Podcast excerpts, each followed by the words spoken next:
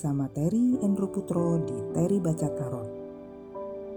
Masih ingat kan di episode lalu aku menyebutkan bahwa kartu tarot berjumlah 78 kartu. Kartu-kartu ini dibagi menjadi dua, kartu Mayor Arkana dan Minor Arkana.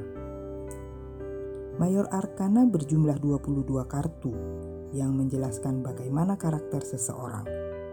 Sementara Minor Arkana berjumlah 56 kartu yang menjelaskan tentang perbuatan, perasaan, pikiran, dan materi maupun fisik seseorang.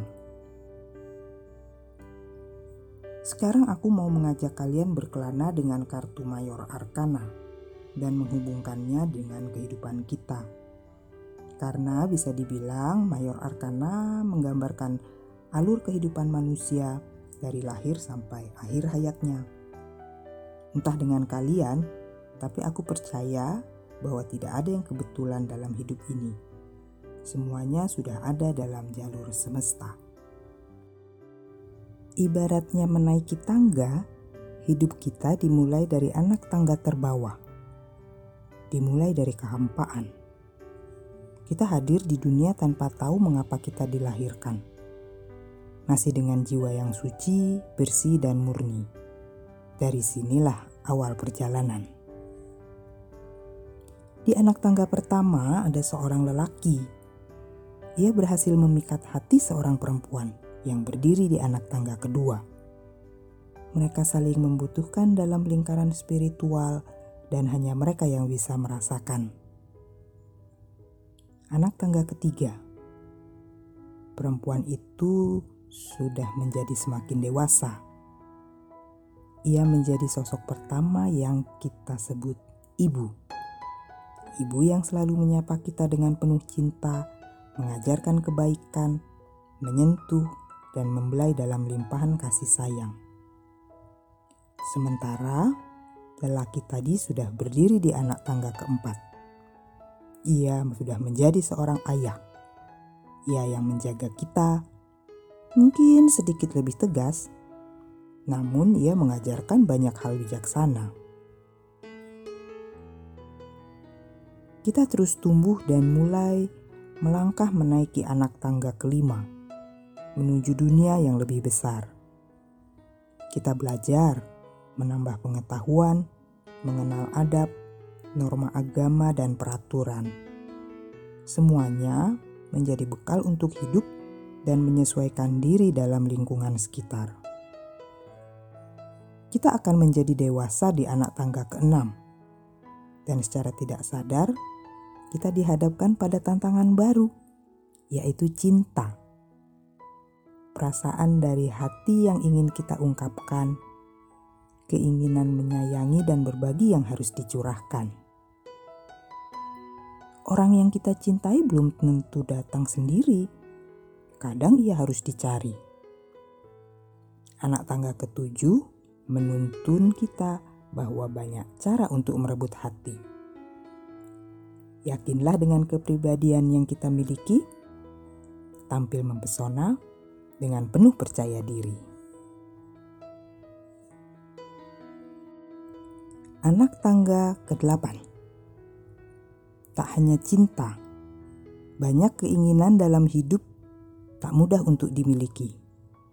Jalan yang dilalui tak selalu mulus, ada saja tantangan yang harus dihadapi.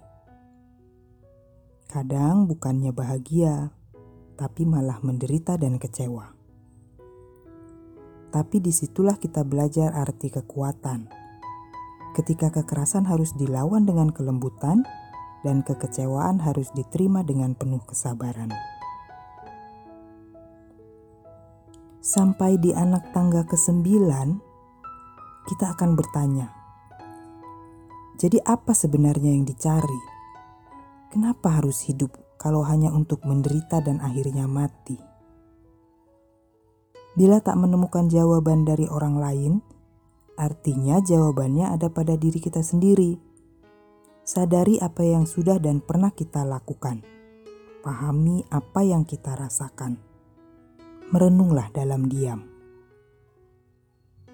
Anak tangga ke-10 menggambarkan bagaimana roda kehidupan berputar. Dalam hidup ini semua hal saling berkait. Ada polanya dan memang rumit karena di dalamnya ada campur tangan semesta. Seharusnya kita sadar, di sinilah awal titik balik bermula. Ketika ada satu kesempatan, entah kapan ia akan berulang. Kalau kita ambil kesempatan itu, bisa jadi nasib baik pun datang. Jadikan masa lalu sebagai pengalaman. Jelas, introspeksi diri itu penting. Kita jadi tahu mana yang salah, mana yang benar. Karena roda kehidupan terus bergulir. Kita mampu bertahan atau malah tergelincir. Tapi semua perbuatan selalu harus diiringi rasa tanggung jawab. Ada sebab, ada akibat. Ada keadilan yang menghukum bila kita salah berbuat. Itu di anak tangga ke-11. Aku yakin pada suatu masa kita semua pernah menyerah ketika beban berat tak mampu lagi dipikul. Sudah berusaha, tapi pada kenyataannya kita tak mendapatkan apa-apa. Apa yang dikorbankan selalu berujung sia-sia. Akhirnya, hanya bisa duduk terpuruk sambil berucap, "Aku lelah." Di anak tangga ke-12, kita belajar untuk pasrah, membiarkan semuanya berjalan dengan sendirinya, mempercayakan pada rencana Sang Pencipta tanpa tekanan ternyata hati ini malah jadi lega. Semua masalah selalu ada jawaban. Anak tangga ke-13 menantang kita untuk bangkit lagi. Kita harus belajar dari kesalahan masa lalu. Ini saatnya mulai lembaran baru. Di anak tangga ke-14, kita jadi menghargai kesederhanaan. Mencoba menjalani hidup lebih seimbang tidak berlebihan. Tapi namanya manusia, dalam damai pun pikiran kita kadang tak tenang. Di anak tangga ke-15 akan datang godaan. Tak tahan akan kemilau harta, tingginya tahta, juga nafsu pada orang yang kita suka. Kadang tak peduli akan ada orang lain yang menderita. Kalau kita lupa diri, kenikmatan dunia bisa membuat sesat. Tak jarang pula berujung petaka. Kita bisa jatuh dari anak tangga ke-16 terjun ke bawah. Bisa jadi kita terpuruk dan harus merangkak naik lagi.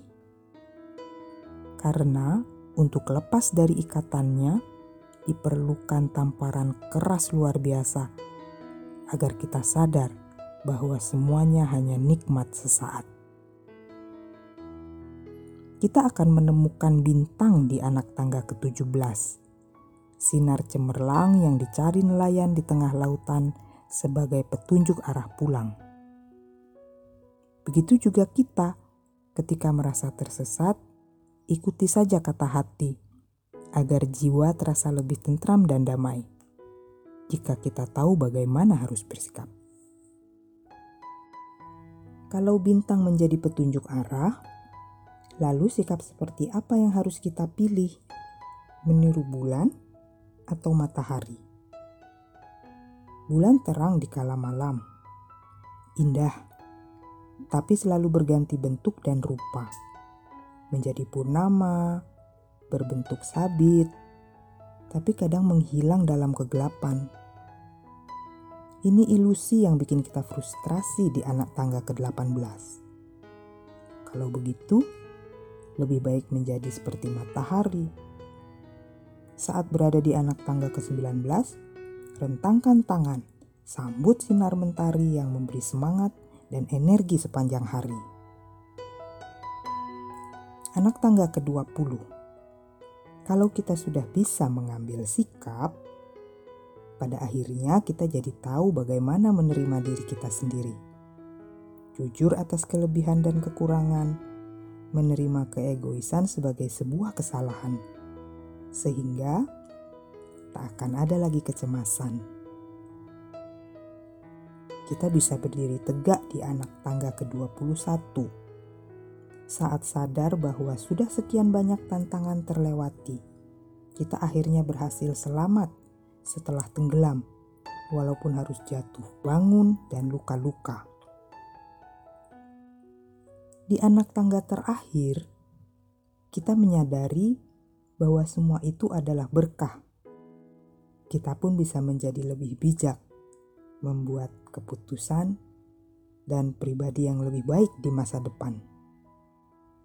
Dengan pernah merasakan susah, kita tahu bagaimana membahagiakan orang. Dengan pernah merasa terabaikan, kita tahu bagaimana menghormati dan menghargai. Dengan pernah merasakan sakit, kita akan menjadi lebih mengasihi mensyukuri segala yang sudah dilewati, memberikan ketentraman hati, mensyukuri apa yang kita punya, membawa damai jiwa. Inilah pencapaian hidup sesungguhnya. Akhirnya jadi tahu apa tujuan kita hidup di dunia. Semua akan indah pada waktunya. Dengan senyum lebar, terucaplah ternyata hidupku penuh warna. Nah, begitu penjabarannya dari 22 kartu Mayor Arkana. Semoga memberi sedikit pencerahan dan manfaat dalam kehidupan kita. Jangan lupa sebarkan kebaikan pada sesama, pada semua makhluk di dunia. Teri baca tarot undur diri. Semoga sehat selalu, bahagia, sejahtera, kaya raya, dan Sampai jumpa.